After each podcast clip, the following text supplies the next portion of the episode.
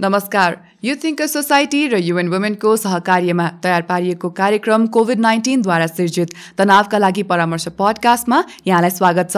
म यस कार्यक्रमको प्रस्तोता निष्मा ढुङ्गाना चौधरी। यस कार्यक्रममा हामी कोरोना महामारीका कारण देखा परेको मानसिक समस्या मनोसामाजिक समस्या र तिनका समाधानबारे विशेषज्ञहरूसँग छलफल गर्नेछौँ। आजको एपिसोडमा हामी कोरोना महामारीका कारण दीर्घरोग भएका व्यक्तिहरूमा देखा परेको मानसिक समस्या मनोसामाजिक समस्या र तिनका समाधानबारे टिपिओ नेपालका चिकित्सक मनोविद सबिना महर्जनजीसँग कुराकानी गर्नेछौँ। आउनुहोस् उहाँलाई कार्यक्रममा स्वागत गरौँ। नमस्कार सबिनाजी कार्यक्रममा स्वागत छ। नमस्ते निस्माजी।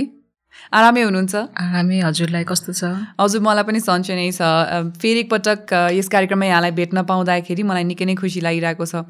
हामीले यस कार्यक्रममा अब पहिलेको एपिसोडहरूमा थुप्रै किसिमको व्यक्तिहरूमा देखा पर्ने मानसिक तथा मनोसामाजिक समस्याहरूको बारेमा छलफल गरेका छौँ। यहाँले समाधान पनि दिनुभएको छ।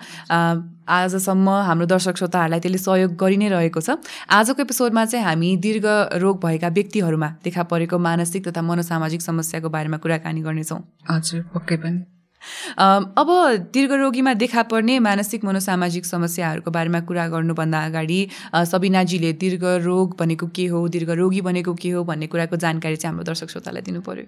दीर्घरोग भन्नाले कुनै पनि व्यक्तिमा चाहिँ मेडिकल एटेन्सन चाहिने र उहाँहरूको चाहिँ दैनिक क्रियाकलापमा पनि यसले असर पारेको देखिन्छ। र युनाइटेड स्टेटको रिपोर्ट अनुसार चाहिँ यस्ता कोभिड उन्नाइसबाट चाहिँ सङ्क्रमित भएका व्यक्तिहरूमा दीर्घरोगीहरूमा चाहिँ बाह्र गुणाभन्दा बढी चाहिँ मृत्युदर पाइएको थियो। र त्यस्तै गरेर दीर्घरोग थुप्रै प्रकारका हुन्छन् केही चाहिँ म तपाईँहरू श्रोताहरूलाई पनि बताउन चाहन्छु। दीर्घरोगमा चाहिँ पहिलो रहेको छ सिओपिडी। सिओपिडी भन्नाले चाहिँ क्रोनिक अब्सर्टिभ पल्मोनरी डिजिज भन्ने बुझ्दछौँ जहाँ चाहिँ यो चाहिँ फोक्सो सम्बन्धितको रोग भनेर पनि हामी बुझ्ने गर्दछौँ। र यसमा पनि विभिन्न खालका हुन्छन् तीमध्ये आस्थमा ब्रोङ्काइटिस र इन्फाइसिमाहरू बढ्ने गर्दछ। र दोस्रो नम्बरमा रहेको छ कार्डियोभास्कुलर डिजिज। कार्डियोभास्कुलर डिजिज भन्नाले चाहिँ मुटु सम्बन्धितको रोग भनेर बुझ्ने गर्छौँ।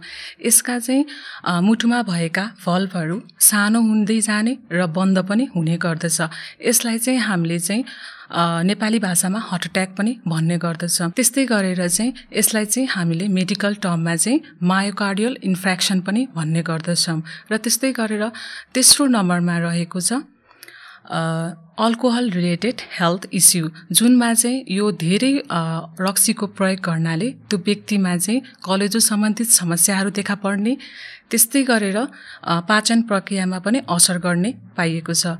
र त्यस्तै गरेर पाँचौँ नम्बरमा रहेको छ एल्जेमर डिजिज। एल्जेमर डिजिज चाहिँ प्राय साठी वर्षभन्दा माथिका ज्येष्ठ नागरिकहरूमा चाहिँ देख्ने गर्दछ।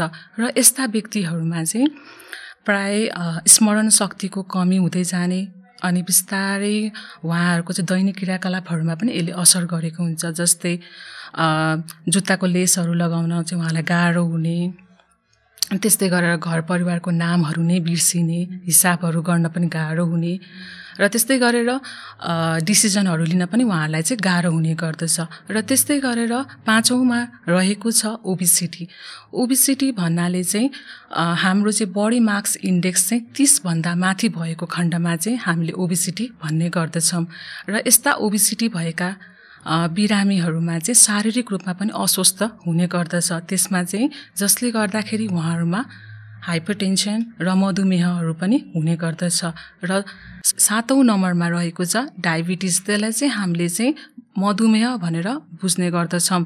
यसलाई चाहिँ हाम्रो चाहिँ मेटाबोलिजमको रोग पनि भन्ने गरिन्छ जहाँ चाहिँ हाम्रो पेङ्क्रियासबाट चाहिँ इन्सुलिन हर्मोनको चाहिँ उत्पादन हुने गर्दछ। यदि ब्लड सुगर बढी वा कमी भएको खण्डमा चाहिँ डायबिटिज वा मधुमेह भन्ने गर्दछौँ। र त्यस्तै गरेर आठौँ नम्बरमा रहेको छ अर्थराइटिस। अर्थराइटिस भन्नाले कुनै पनि एक वा सोभन्दा घोडाको जोड्नीहरूमा चाहिँ सुन्निने सम्बन्धितको रोगलाई चाहिँ हामीले अर्थराइटिस भन्ने गर्दछौँ। नौ नम्बरमा रहेको छ प्रि एक्जिस्टिङ मेन्टल इलनेस। कुनै पनि पहिल्यैदेखि नै कडा मानसिक रोग भएका बिरामीहरू जसमा चाहिँ सिजोफ्रेनिया बाइपोलर डिसअर्डर त्यस्तै गरेर आत्महत्याका हानि गरेका बिरामीहरू पढ्ने गर्दछन्। हजुर सबिनाजी भनेपछि अब नौ किसिमको दीर्घरोगहरू त यहाँले बताइ नै हाल्नुभयो। अब यस्तो दीर्घरोग भएको व्यक्तिहरू चाहिँ अहिलेको समयमा वर्तमान समयमा कोरोना महामारी भयो त्यसपछि लकडाउन पनि भयो होइन? अनि अहिलेको समयमा चिकित्सा सेवाको कमीले भनौँ अथवा आफूलाई नै डर लागेर कोरोना सङ्क्रमणको डर लागेर भनौँ उहाँहरू नियमित रूपमा चाहिँ अस्पताल गइरहनु भएको छैन। उहाँहरू जुन किसिमको नियमित उपचार पाउनुहुन्थ्यो त्यो किसिमको उपचारहरू पाइरहनु भएको छैन। हामीले गरेको सर्वेक्षणमा पनि उहाँहरूले के बताउनु भयो भन्दाखेरि अब यसरी नियमित उपचार नपाएको कारणले नगरिरहेको कारणले चाहिँ आफ्नो स्वास्थ्य अझै खराब हुने हो कि भन्ने डर चिन्ताले चाहिँ उहाँलाई सताइ नै रहेको कुरा हामीलाई बताउनु भयो अब यस्तो अवस्थामा उहाँहरूमा कुनै किसिमको मानसिक स्वास्थ्य सम्बन्धी समस्याहरू देखा पर्न सक्छन् कि सक्दैनन् र देखा पर्यो भने कस्तो किसिमको समस्याहरू देखा पर्लान् त? पक्कै पनि निस्माजी यसले चाहिँ असर पारेको देखिन्छ। यस्ता दीर्घरोगी भएका बिरामीहरूमा चाहिँ नियमित रूपमा चाहिँ स्वास्थ्य जाँच गराउँदा नपाउँदाखेरि उहाँहरूलाई तनाव हुने त पक्कै पनि भइहाल्छ। त्यो त स्वाभाविकै रूपमा मान्न पर्ने हुन्छ। र त्यस्तै गरेर कोरोना सङ्क्रमित भइसकेपछि म पनि मर्ला कि भन्ने डर र त्यस्तै गरेर हाम्रो चाहिँ भेन्टिलेटरको अभावहरू पनि हाम्रो सुन्नमा आएको छ जसले गर्दाखेरि उहाँहरूलाई चिन्ता हुने त भइहाल्छ। र त्यस्तै गरेर अर्को चाहिँ आर्थिक अभाव साथै उहाँहरूको चाहिँ प्रतिरोधात्मक क्षमतामा पनि कमी आउने हुनाले उहाँहरू उच्च जोखिममा रहेका हुन्छन्। र यस्ता खालका चाहिँ समस्याहरूले गर्दाखेरि चाहिँ उहाँहरूको स्ट्रेस हर्मोन जुन हामी कोटिसोल भन्ने गर्छौँ त्यो चाहिँ गडबडी हुने गर्दछ। र जसले गर्दा उहाँहरू आत्तिने डराउने चिन्तित हुने त्यस्तै गरेर निन्द्रामा गडबडी हुने खाना मन नलाग्ने यौन इच्छामा चाहिँ कमी आउने त्यस्तै गरेर दैनिक क्रियाकलापहरूमा पनि कार्यहरूमा पनि गर्न इच्छा नलाग्ने पनि हुने गर्दछ। र यस्ता दुई हप्ताभन्दा यस्ता चाहिँ दुई हप्ताभन्दा बढी भएको खण्डमा चाहिँ हामीले चाहिँ व्यक्तिमा चाहिँ मनोसामाजिक समस्याहरू देखा पर्न सक्दछन्। र थुप्रै तथ्याङ्कले के देखाउँछ भन्दाखेरि यस्ता दीर्घरोगी भएका बिरामीहरूमा चाहिँ डिप्रेसन चाहिँ बाइसदेखि तेत्तिस पर्सेन्ट देखाएको छ। हजुर सबिनाजी भनेपछि यस्ता समस्याहरू चाहिँ दीर्घरोगीहरूमा देखा पर्न सक्छन्। अब यस्तो समस्या हुनु भएको दीर्घरोगीहरूले चाहिँ आफ्नो स्वहेरचाह कसरी गर्न सक्नुहुन्छ? यस्तो समस्या भइसकेपछि चाहिँ समाधान चाहिँ के होला? यस्ता दीर्घरोगी भएका बिरामीहरूमा चाहिँ स्व हेरचाह गर्नु चाहिँ एकदमै महत्त्वपूर्ण हुन्छ र उहाँहरूको ठुलो भूमिका पनि रहेको हुन्छ र उहाँहरूले चाहिँ खानेकुरामा ध्यान दिनुपर्ने हुन्छ। यस्तो चिल्लो गुलियो खानेकुराहरू चाहिँ नखाने भनेर हामीले सल्लाह दिन सक्छौँ किनभने यसले गर्दाखेरि चाहिँ उहाँहरूको पाचन प्रक्रियामा पनि असर गर्न सक्दछ र त्यस्तै गरेर पर्याप्त मात्रामा पानी पिउने र त्यस्तै गरेर भिटामिन सी युक्त खानेकुराहरू खान पनि हामीले सल्लाह दिन सक्छौँ। जसले गर्दाखेरि चाहिँ उहाँहरूको प्रतिरोधात्मक सकारात्मक क्षमतामा पनि वृद्धि हुने गर्दछ। र यस्ता दीर्घरोग भएका व्यक्तिहरूमा चाहिँ निन्द्रामा चाहिँ गडबडी भएको पनि पाइएको छ। यो थुप्रै तथ्याङ्कहरूले पनि देखाउँछ। यस्तो अवस्थामा चाहिँ हामीले चाहिँ निन्द्रालाई कसरी व्यवस्थापन गर्ने भन्ने बारेमा पनि उहाँहरूलाई बताउन सक्छौँ र उहाँले सो हेरचाह पनि गर्न सक्नुहुन्छ। र त्यसलाई चाहिँ हामी स्लिप हाइजिन पनि भन्ने गर्छौँ। यस्ता दीर्घरोगी भएका बिरामीहरूलाई चाहिँ हामीले कम्तीमा पनि आठ घन्टा सुत्ने भनेर बताउन सक्छौँ र उहाँहरूले पनि गर्न सक्नुहुन्छ। र त्यस्तै गरेर बेड चाहिँ सुत्नलाका लागि मात्र प्रयोग गर्ने दिनमा चाहिँ नसुत्ने भनेर पनि उहाँहरूलाई हामीले बताउन सक्छौँ। र त्यस्तै गरेर उहाँहरूलाई चाहिँ सुत्नुभन्दा अगाडि चाहिँ टेलिफोन टिभीको प्रयोग चाहिँ नगर्ने भनेर हामीले बताउन सक्छौँ। र त्यस्तै गरेर कफी चिया त्यस्तै गरेर रक्सी र धुम्रपानको प्रयोग चाहिँ नगर्ने भनेर पनि हामीले बताउन सक्छौँ। र त्यस्तै गरेर राति सुत्दा सुत्दै निन्द्रा नलागेको खण्डमा चाहिँ उहाँहरूलाई चाहिँ बेडबाट बाहिर निस्किएर एकछिन हिँड्ने र झुप्पु झुप्पु निन्द्रा लागेपछि मात्र बेडको प्रयोग गर्ने भनेर पनि हामीले बताउन सक्छौँ। यस्ता विधिहरू अप्नाउनु भयो भने चाहिँ तपाईँको निन्द्रा चाहिँ व्यवस्थापन हुन पनि मद्दत पुर्याउने हुन्छ। र त्यस्तै गरेर तपाईँले चाहिँ नियमित रूपमा चाहिँ व्यायामहरू गर्न पनि तपाईँले सक्नुहुन्छ। त्यस्तै गरेर योगा मेडिटेसनहरूले पनि तपाईँलाई आरामदायी अभ्यासहरू पनि गर्न सक्नुहुन्छ। र त्यस्तै गरेर चाहिँ तपाईँलाई आफ्नो रुचिअनुसार सिलाइ बुनाइको कामहरू त्यस्तै गरेर चित्र बनाउने कथाहरू लेख्ने त्यस्तै गरेर खानाहरू पकाउने कामहरू पनि गर्न सक्नुहुन्छ। जसले गर्दाखेरि चाहिँ तपाईँलाई चिन्ता कम गर्न पनि मद्दत पुर्याउने हुन्छ र आफूलाई पनि खुसी राख्न पनि यसले मद्दत पुर्याउने हुन्छ। र त्यस्तै गरेर चाहिँ यस्ता दीर्घरोगी भएका बिरामीहरू चाहिँ घरमै बसेर खेल यस्ता दीर्घरोगी भएका बिरामीहरूले चाहिँ घरमै बसेर खेल्न सकिने खेलहरू जसमा चाहिँ चेस क्यारिम बोर्ड र पनि खेल्न सक्नुहुन्छ र त्यस्तै गरेर आफ्नो इच्छाअनुसार बगैँचाका बगैँचामा फुलबारीमा पनि कामहरू पनि गर्न सक्नुहुन्छ र त्यस्तै गरेर उहाँहरूले चाहिँ आफ्नो मनको कुरा व्यक्त गर्नलाई चाहिँ आफूले विश्वास गरेको साथीभाइहरूसँग पनि टेलिफोन मार्फत मार्फत पनि कन्ट्याक्ट गरेर पनि कुराहरू गर्न सक्नुहुन्छ। जसले गर्दाखेरि चाहिँ उहाँलाई चाहिँ आनन्दित पनि तुल्याउन सक्छ। र यसरी यसरी उहाँहरूले आफ्नो स्व हेरचाह गर्नुभयो भने उहाँहरूको चाहिँ मानसिक सुस्वास्थ्य रहन पनि उहाँहरूलाई धेरै मद्दत पुर्याउने गर्दछ।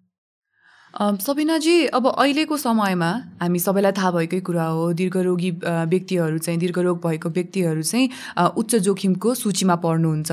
जसको कारणले उहाँहरूमा थुप्रै किसिमको तनावहरू छ जस्तै कोरोना सङ्क्रमण छिटै हुने तनाव उहाँहरूमा छँदैछ।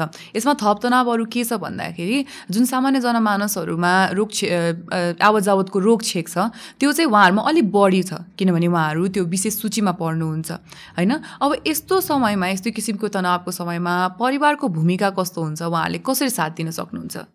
यस्ता दीर्घरोगी भएका बिरामीका घर परिवारको चाहिँ एकदमै ठुलो भूमिका रहेको हुन्छ। र यसमा चाहिँ विश्व स्वास्थ्य सङ्गठनले जारी गरेका नियमहरू चाहिँ घर परिवारहरूले पनि पालना गर्न पर्ने हुन् हुन्छ। जहाँ चाहिँ उहाँहरू चाहिँ बाहिर गएर आइसकेपछि चाहिँ हात चाहिँ सेनिटाइजरको प्रयोग गर्ने त्यस्तै गरेर हात साबुन पानीले धुने पनि गर्नुपर्ने हुन्छ। त्यस्तै गरेर यस्ता दीर्घरोगी बिरामीहरूसँग कुरा गर्दाखेरि पनि कम्तीमा पनि दुई मिटरको दूरी राखेर उहाँहरूले कुरा गर्नुपर्ने हुन्छ। र त्यस्तै गरेर उहाँहरूले चाहिँ हात छेउ गर्दा वा खोक्दाखेरि चाहिँ कुइनाको पनि प्रयोग गर्नुपर्ने हुन्छ। र यदि चाहिँ यस्तो जाडो र रुगाको खालका लक्षणहरू देखेको खण्डमा चाहिँ दीर्घरोगी भएका बिरामीहरू चाहिँ घरमै बस्ने भनेर हामीले चाहिँ सल्लाह दिन सक्छौँ। त्यस्तै गरेर दीर्घरोगी भएका बिरामीहरूमा चाहिँ कोरोना सङ्क्रमण भएको खण्डमा चाहिँ हामीले चाहिँ छुट्टै खालको चाहिँ आइसोलेसनको पनि व्यवस्थापन गर्नुपर्ने हुन्छ। र दीर्घरोग भएका व्यक्तिहरूलाई चाहिँ अफिसमा गएर काम गर्न नसके पनि वर्क फ्रम होम भनेर पनि हामीले चाहिँ व्यवस्थापन गर्नुपर्ने हुन्छ। त्यस्तै गरेर घर परिवारले चाहिँ यस्ता दीर्घरोग भएका व्यक्तिहरू मैले उदाहरणका लागि चाहिँ मधुमेह भएको बिरामीलाई दिन चाहेँ जहाँ चाहिँ यदि चाहिँ घरमा मधुमेह भएका बिरामीहरू हुनुहुन्छ भने उहाँहरूको लागि चाहिँ ध्यान दिनुपर्ने कुराहरू निम्न रूपमा छन्। पहिलोमा चाहिँ उहाँहरूले जुन औषधिहरू प्रयोग गर्नुहुन्छ त्यो घर परिवारले चाहिँ तिस दिनको लागि चाहिँ लिएर आउनुपर्ने हुन्छ। र त्यस्तै गरेर डक्टरको सुझाव बिना चाहिँ औषधिहरूको परिवर्तन गर्नु भएन। र घर परिवारहरूले चाहिँ स्याहारकर्ताले चाहिँ ब्लड सुगरको चाहिँ नियमित रूपमा जाँच गर्ने व्यवस्थापन पनि मिलाउन पर्ने हुन्छ। उहाँहरूको लागि छुट्टै खालको ग्लुकोमिटरको पनि प्रयोग गर्न सक्नुहुन्छ। यदि चाहिँ होइन स्याहारकर्ताले हेर्दै गर्दाखेरि चाहिँ ब्लड सुगर चाहिँ बढी भएको खण्डमा चाहिँ हामीले चाहिँ नेपाल सरकारले जारी गरेको स्वास्थ्य सेवाहरू पनि प्रदान गर्न सक्छौँ। जसले गर्दाखेरि चाहिँ उहाँलाई तत्कालमा हामीले सहयोग पनि पुर्याउन सक्छौँ। र घर परिवारहरूले चाहिँ दीर्घरोगी भएका बिरामीहरूका निम्ति निम्ति चाहिँ इमर्जेन्सी कन्ट्याक्ट लिस्टहरू पनि बनाएर राख्नुपर्ने हुन्छ जसले गर्दाखेरि चाहिँ उहाँहरूलाई चाहिँ छिट्टै सर्भिस चाहिएको खण्डमा पनि हामीले दिन सक्छौँ। अरू दीर्घरोगी भएका बिरामीहरूले पनि माथि उल्लेख गरेका जस्तै विधिहरू उहाँहरूले अप्नाउन सक्नुहुन्छ जसले गर्दाखेरि उहाँहरूलाई पनि सहजीकरण हुन गर्दछ। र यदि चाहिँ होइन दीर्घरोगी भएका बिरामीहरूले चाहिँ कुनै खोपहरू लगाउनुहुन्छ जुनमा निमोनिया वा फ्लूको खोपहरू छ भने त्यो पनि लगाउन चाहिँ सल्लाह दिन सक्छौँ। र यस्ता दीर्घरोगी भएका बिरामीहरूले चाहिँ इम्युनो सप्रेसेन्टको मेडिसिनहरू खानुहुन्छ भने पनि हामीले चाहिँ खान पनि सल्लाह दिन सक्छौँ। सक्छौँ जसले गर्दाखेरि चाहिँ उहाँहरूको प्रतिरोधात्मक क्षमतामा पनि वृद्धि हुने हुन्छ। अब अहिलेको विषम परिस्थिति हेर्ने हो भने दीर्घरोग भएका व्यक्तिहरूमा मनोसामाजिक समस्या देखा परेमा उहाँहरूले परिवार अथवा समुदायको सहयोग सहयोग नपाउन पनि सक्नुहुन्छ। यस्तो समयमा उहाँहरूले सामुदायिक मनोविमर्शकर्ताहरूसँग कसरी सम्पर्क गर्न सक्नुहुन्छ सम्पर्क गर्न सक्नुहुन्छ कि सक्नु हुँदैन हामीसँग के कस्तो सुविधाहरू छन्? अथवा उहाँहरूले कस्तो माध्यमको प्रयोग गर्न सक्नुहुन्छ सविताजी हजुर निस्माजी यस्तो अवस्थामा चाहिँ यस कोभिड उन्नाइसको महामारीको समयमा चाहिँ व्यक्तिमा चाहिँ थुप्रै खालको मनोसामाजिक समस्याहरू देखा पर्न सक्छ सक्छ जसमा चाहिँ निराश लाग्ने दिक्क लाग्ने खाना मन नलाग्ने त्यस्तै दैनिक क्रियाकलापहरूमा पनि कुनै इच्छा नलाग्ने पनि हुनसक्छ यस्ता लक्षणहरू चाहिँ दुई हप्ताभन्दा बढी भएको खण्डमा चाहिँ हामीले चाहिँ विभिन्न संस्थाहरूसँग जोडिदिन सक्छौँ। ती त्यहाँ रहेको टोल फ्री नम्बरहरू पनि उहाँहरूलाई उपलब्ध गराउन सक्छौँ। त्यहाँ चाहिँ टिपिओ नेपाल सिएमसी नेपाल कोसिस नेपाल त्यस्तै गरेर त्रिभुवन विश्वविद्यालय शिक्षण अस्पतालको मानसिक विभागको नम्बरहरू पनि उपलब्ध गराउन सक्दछौँ। र उदाहरणका लागि चाहिँ यदि उदाहरणका लागि चाहिँ यदि तपाईँ चाहिँ कालीकोटमा हुनुहुन्छ र तपाईँमा चाहिँ मनोसामाजिक समस्याहरू देखा परेको खण्डमा चाहिँ हजुरहरूले चाहिँ टिपिओ नेपालले सञ्चालन गरेको टोल फ्री नम्बरमा पनि कल गरेर चाहिँ सोध्न सक्नुहुन्छ र त्यहाँ कालीकोटमा रहेको मनोविमर्शकर्तासँग पनि हामीले चाहिँ जोडिदिन सक्दछौँ। र त्यस्तै गरेर तपाईँको चाहिँ ठाउँ गाउँमा मनोविमर्शकर्ता छ कि छैन भन्ने कुरा चाहिँ हजुरहरूले चाहिँ महिला स्वयंसेविकाहरूसँग पनि कुरा गर्न सक्नुहुन्छ। त्यस्तै गरेर त्यस्तै गरेर पालिका प्रमुखसँग पनि कुरा गर्न सक्नुहुन्छ र थप मनोविमर्शकर्तासँग जोड्न सक्नुहुन्छ। अर्थात् सबिनाजी यदि कसैलाई चाहिँ यस्तो किसिमको समस्या आइरहेको छ भने उहाँहरूले पालिकामा सम्पर्क राखेर पालिकाबाट चाहिँ अथवा स्वयंसेविकाहरूसँग सम्पर्क राखेर त्यहाँबाट चाहिँ उहाँहरूलाई मनो मनोविमर्शकर्तासँग चाहिँ सम्पर्क गराउन सकिन्छ। जोड्ने सबैभन्दा सहज उपाय पालिका अथवा स्वयंसेविकासँग सम्पर्क गर्नु नै हो। साथै म हाम्रो दर्शक श्रोतालाई बताइदिउँ जति पनि संस्थाको नाम सबिनाजीले लिनुभयो ती सबै संस्थाहरूको नाम चाहिँ हामी कार्यक्रमको अन्त्यमा ती नम्बरहरू सबै हाम्रो स्क्रिनमा देखाउनेछौँ। यदि रेडियो मार्फत हामीहरूसँग जोडिरहनु भएको छ भने कार्यक्रमको अन्त्यमा हामी ती नम्बर यहाँलाई बताउनेछौँ। अब हामी कार्यक्रमको अर्को भागतर्फ लाग्नेछौँ जसमा हामी तथ्य वा अफवाहको खुलासा गर्नेछौँ। अब कोरोना चले यता कोरोना सुरु भएदेखिको हाम्रो समुदायमा थुप्रै विषयहरू उठेका छन् चर्चाका विषयहरू उठेका छन्। तीमध्ये केही चाहिँ सत्य हुन्छन् भने केही चाहिँ अफवाह हुन्छन्। अब एउटा कस्तो विषय उठेको छ भन्दा किनभने अहिलेको समयमा सबैजनाले मास्क लगाइरहनु भएको छ। मेडिकल मास्क जुन छ त्यसको चाहिँ प्रयोग लामो समयसम्म गर्नाले चाहिँ हामीले जुन कार्बन डाइअक्साइड फाल्छौँ त्यो कार्बन डाइअक्साइड फेरि हामी सासभित्र लिएर चाहिँ हामीलाई हाम्रो शरीरमा अक्सिजनको कमी हुन्छ भन्ने किसिमको चर्चा सुने सुनेका छौँ अहिले समुदायमा। अब यो चर्चा सत्य हो वा अफवा भन्ने कुरा चाहिँ समिनाजीले हामीलाई बताउनु पर्यो।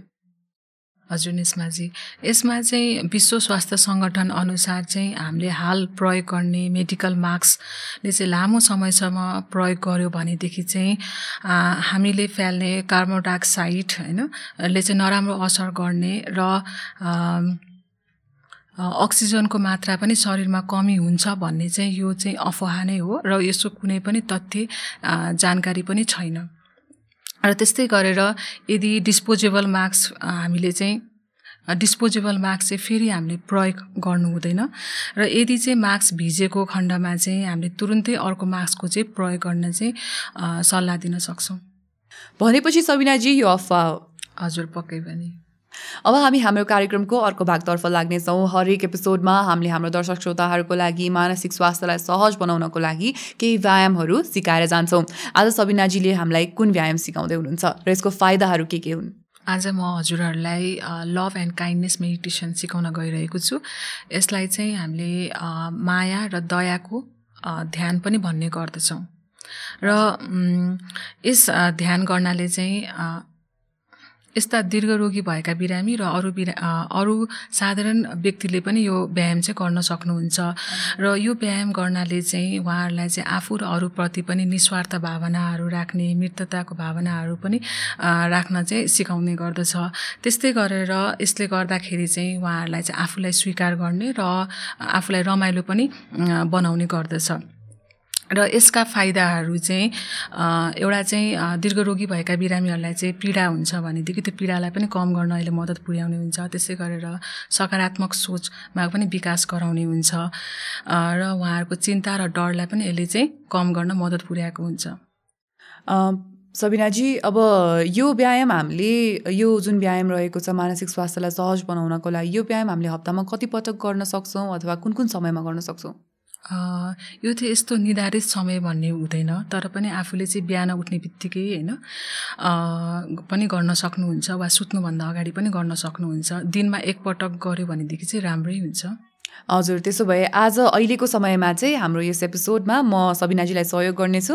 यो व्यायाम गर्नको लागि हाम्रो दर्शक श्रोताहरूले यो सुनेर सिकेर आफू आफू आफ्नो सहज समयमा चाहिँ यो गर्न सक्नुहुन्छ। हजुर पक्कै पनि।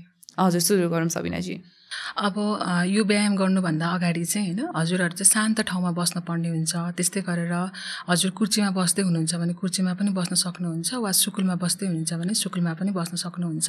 र आफ्नो हात खुट्टालाई चाहिँ खुल्लासम्म छोडिदिनुहोस् र बिस्तारै आँखा बन्द गर्नुहोस्। र लामो सास लिनुहोस् र बिस्तारै छोड्नुहोस्। र फेरि लामो सास लिनुहोस् र बिस्तारै छोड्नुहोस्। र यसो कल्पना गर्नुहोस् तपाईँ अहिले कोठामा हुनुहुन्छ। र कोठामा चाहिँ प्रकाश आइरहेको महसुस गर्नुहोस्। आफ्नो मनमा नै केही शब्दहरू उच्चारण गर्नुहोस्। जसमा हजुरले म बलियो छु भन्दै मनमा नै उच्चारण गर्नुहोस्।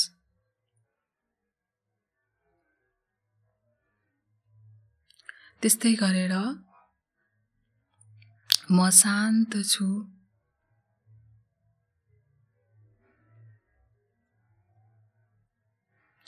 म सम्पूर्ण समय म आफूलाई दिँदैछु भन् भन्दै आफ्नो शब्दहरू उच्चारण गर्नुहोस्।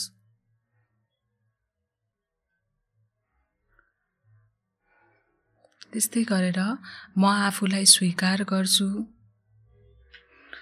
र म अरूलाई पनि क्षमा गर्छु।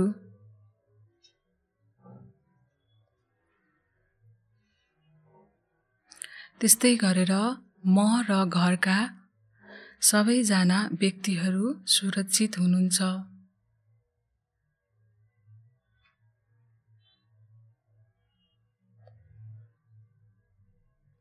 त्यस्तै गरेर म आफूलाई र अरूप्रति पनि दयालु भावना राख्छु भनेर मनमा नै उच्चारण गर्नुहोस्।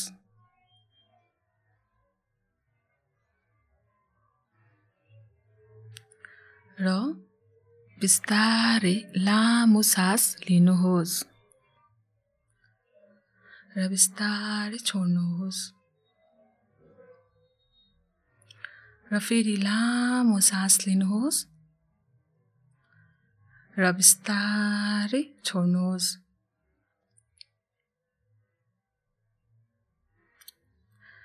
र बिस्तारै तपाईँले आँखा खोल्न सक्नुहुनेछ।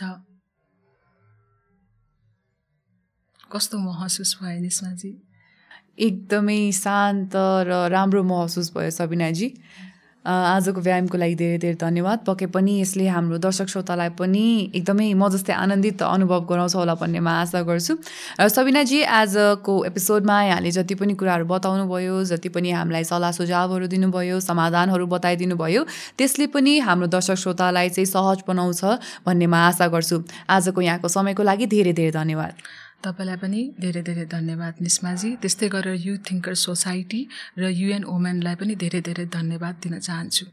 थ्याङ्क यू सबिनाजी। हजुर थ्याङ्क यू यस पडकास्ट मार्फत हामीहरूले यहाँहरूमा मानसिक स्वास्थ्य सम्बन्धी चेतना ल्याउने मूल उद्देश्य राखेका छौँ।